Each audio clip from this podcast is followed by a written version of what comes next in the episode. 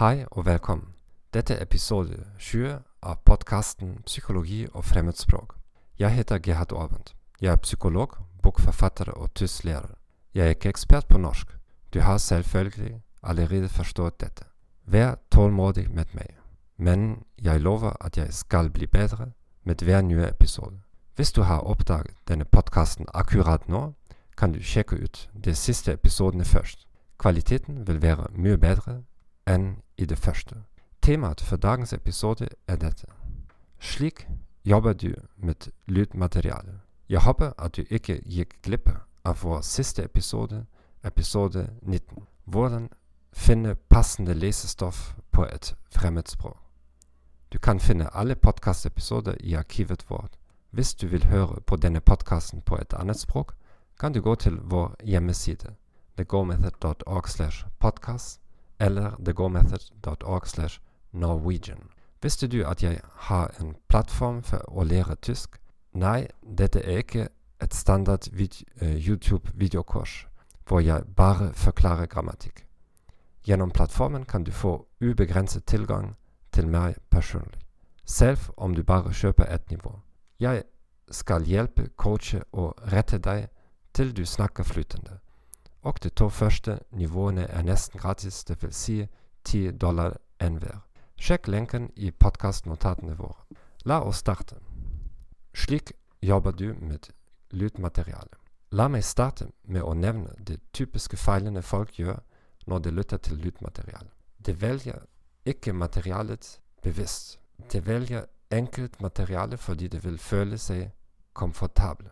De blir anspente fordi du vil forstå alt på en gang, og det har ikke en vanlig rutine eller vane å lytte hver dag.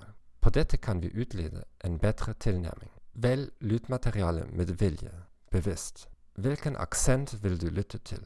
Hvem vil være det perfekte eksempelet for å etterligne aksenten hans? Hva er temaet som kan forbedre din karriere og privatliv? Hvis du er nybegynner, er det bare å ta på lydmaterial i bakgrunnen. Ikke prøv å forstå alt. Bare bli vant til hvordan språket høres ut. Følg regelen for den ene prosenten. Prøv å forbedre lytteevnen med 1 hver uke. Gjør det til en vane å lytte hver dag til minst ett minutt til noe på språket du lærer. Det er bedre å lytte hver dag ett minutt enn å lytte 100 minutter hver 100 dag. Skriv ned ord mens du lytter. Hva er viktig? Begrens mengden av ord. La oss si at du skriver ned hver dag fem ord fra det du lytter til. Ikke mer.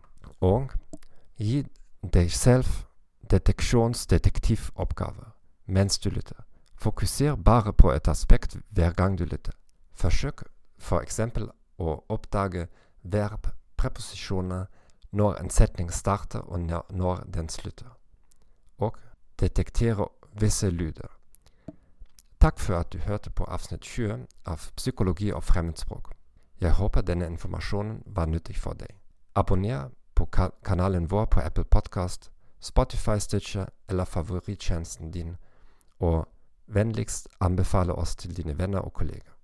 Som har lovet før, vil språkdelen bli bedre med de neste ukene. Pop it.